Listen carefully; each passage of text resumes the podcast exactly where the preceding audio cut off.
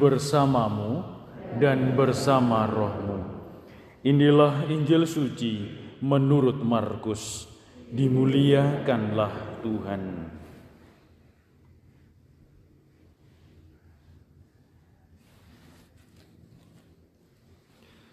Pada suatu hari, serombongan orang Farisi dan beberapa ahli Taurat dari Yerusalem datang menemui Yesus. Mereka melihat beberapa murid Yesus makan dengan tangan najis, yaitu dengan tangan yang tidak dibasuh. Sebab orang-orang Farisi seperti orang-orang Yahudi lainnya tidak makan tanpa membasuh tangan lebih dahulu, karena mereka berpegang pada adat istiadat nenek moyang dan kalau pulang dari pasar, mereka juga tidak makan kalau tidak lebih dahulu membersihkan dirinya. Banyak warisan lagi yang lain yang mereka pegang, umpamanya hal mencuci cawan, kendi, dan berkakas tembaga. Karena itu orang-orang Farisi dan ahli-ahli Taurat itu bertanya kepada Yesus, "Mengapa murid-muridmu tidak mematuhi adat istiadat nenek moyang kita?" Mengapa mereka makan dengan tangan najis? Jawab Yesus kepada mereka, Benarlah nubuat Yesaya tentang kamu, hai orang-orang munafik. Sebab ada tertulis, bangsa ini memuliakan aku dengan bibirnya, padahal hatinya jauh dariku. Percuma mereka beribadat kepadaku, sebab ajaran yang mereka ajarkan ialah perintah manusia. Perintah Allah kamu abaikan untuk berpegang pada adat istiadat manusia. Yesus berkata kepada mereka, Sungguh pandai kamu mengesampingkan perintah Allah, supaya kamu dapat memelihara adat istiadatmu sendiri. Karena Musa telah berkata, Hormatilah ayahmu dan ibumu, dan siapa yang mengutuki ayahnya atau ibunya harus mati. Tetapi kamu berkata, kalau seorang berkata kepada bapa atau ibunya, apa yang ada padaku yang dapat digunakan untuk pemeliharaanmu sudah digunakan untuk kurban, yaitu persembahan kepada Allah. Maka kamu membiarkan dia untuk tidak lagi berbuat sesuatu pun bagi bapa atau ibunya. Dengan demikian sabda Allah kamu nyatakan tidak berlaku demi adat istiadat yang kamu ikuti itu. Dan banyak hal lain seperti itu yang kamu lakukan.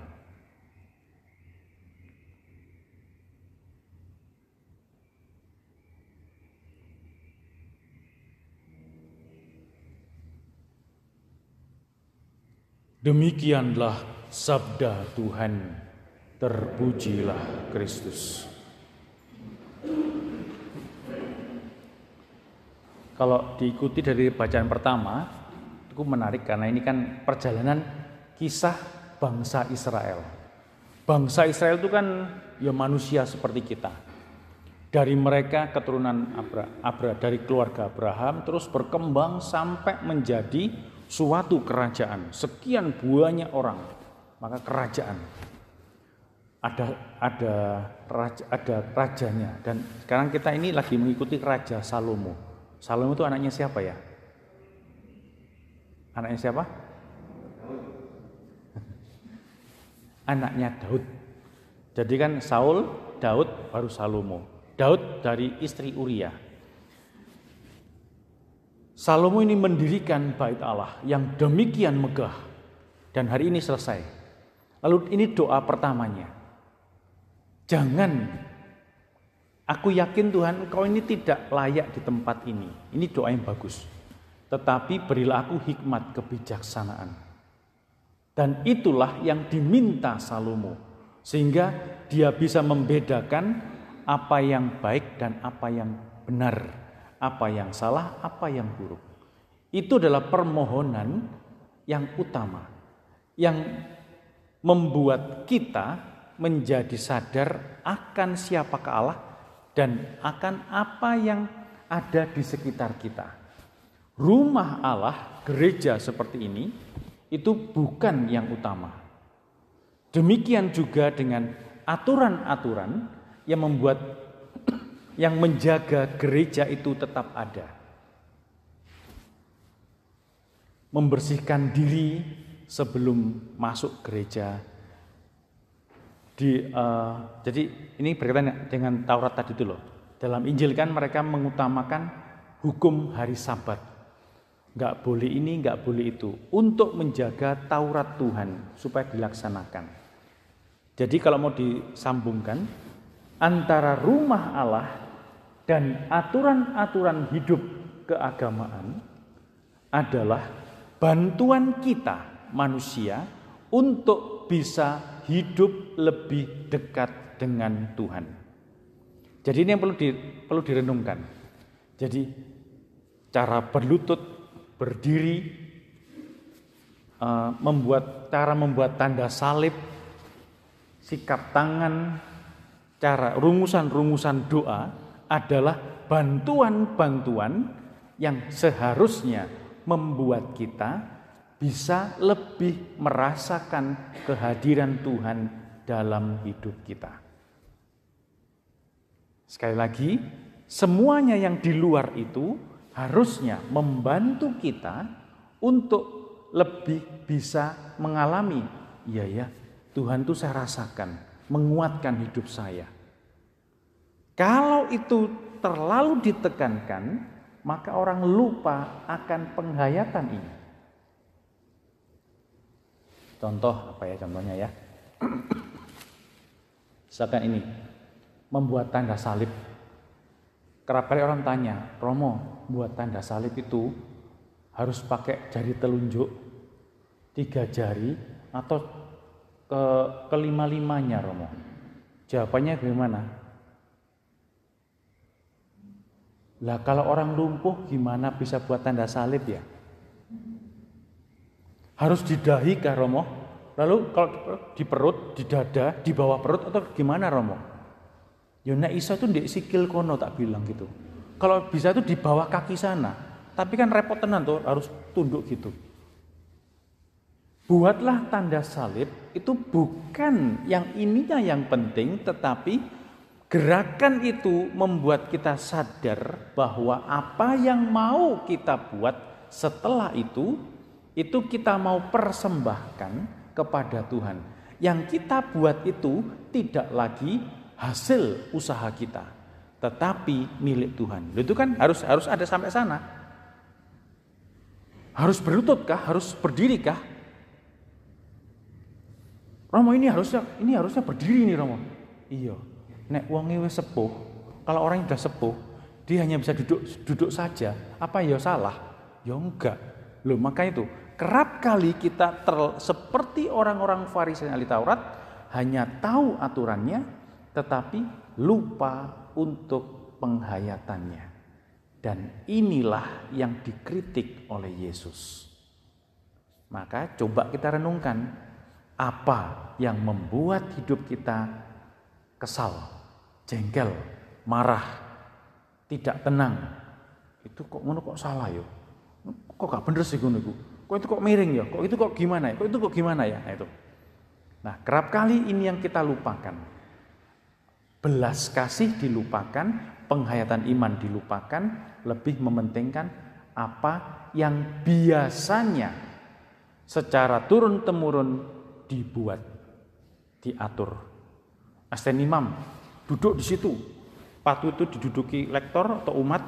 Mikir, mikir, ini kan asten imam ini. Tukaran gara-gara lungguh. Kan ini lucu. Asin meskipun duduk di belakang sana, yuk gak apa-apa. Duduk di kur, yuk gak apa-apa. Itu nggak ada tulisannya kok. Boleh, ya boleh. Wah ini pas ada orang tua, nggak usah duduk di belakang. Pak minggir dulu ya meskipun Asen lima mundur, di belakang situ ya. Ya gak usah muring-muring. Gak usah marah-marah. Ya kan tempat duduknya ini. Tempat duduk itu bisa fleksibel. Nah itu kan kita lupa bahwa duduk aturan-aturan itu hanya sekedar bantuan bagi kita agar kita lebih mudah menghayati apa yang dituntut dari iman, yaitu apa? hati. Hatinya jangan sampai kaku, jangan sampai keras, lalu lembut lunak seperti Tuhan hatinya. Nah, wis, coba sekarang direnungkan apakah dalam keluarga-keluarga dalam seluruh banyak aturan disiplin kebiasaan-kebiasaan yang dipentingkan itu penghayatan hatinya, belas kasihnya, cinta kasihnya, ataukah aturannya harus ini dan itu. Gejala atau petunjuknya kalau itu hanya sekedar melakukan aturan adalah kalau ditanya ini apa tujuannya, kalau bisa jawab dengan benar, ya berarti bisa menghayati. Tapi kalau tidak, berarti hanya sekedar melakukan tindakan tindakan lahiriah.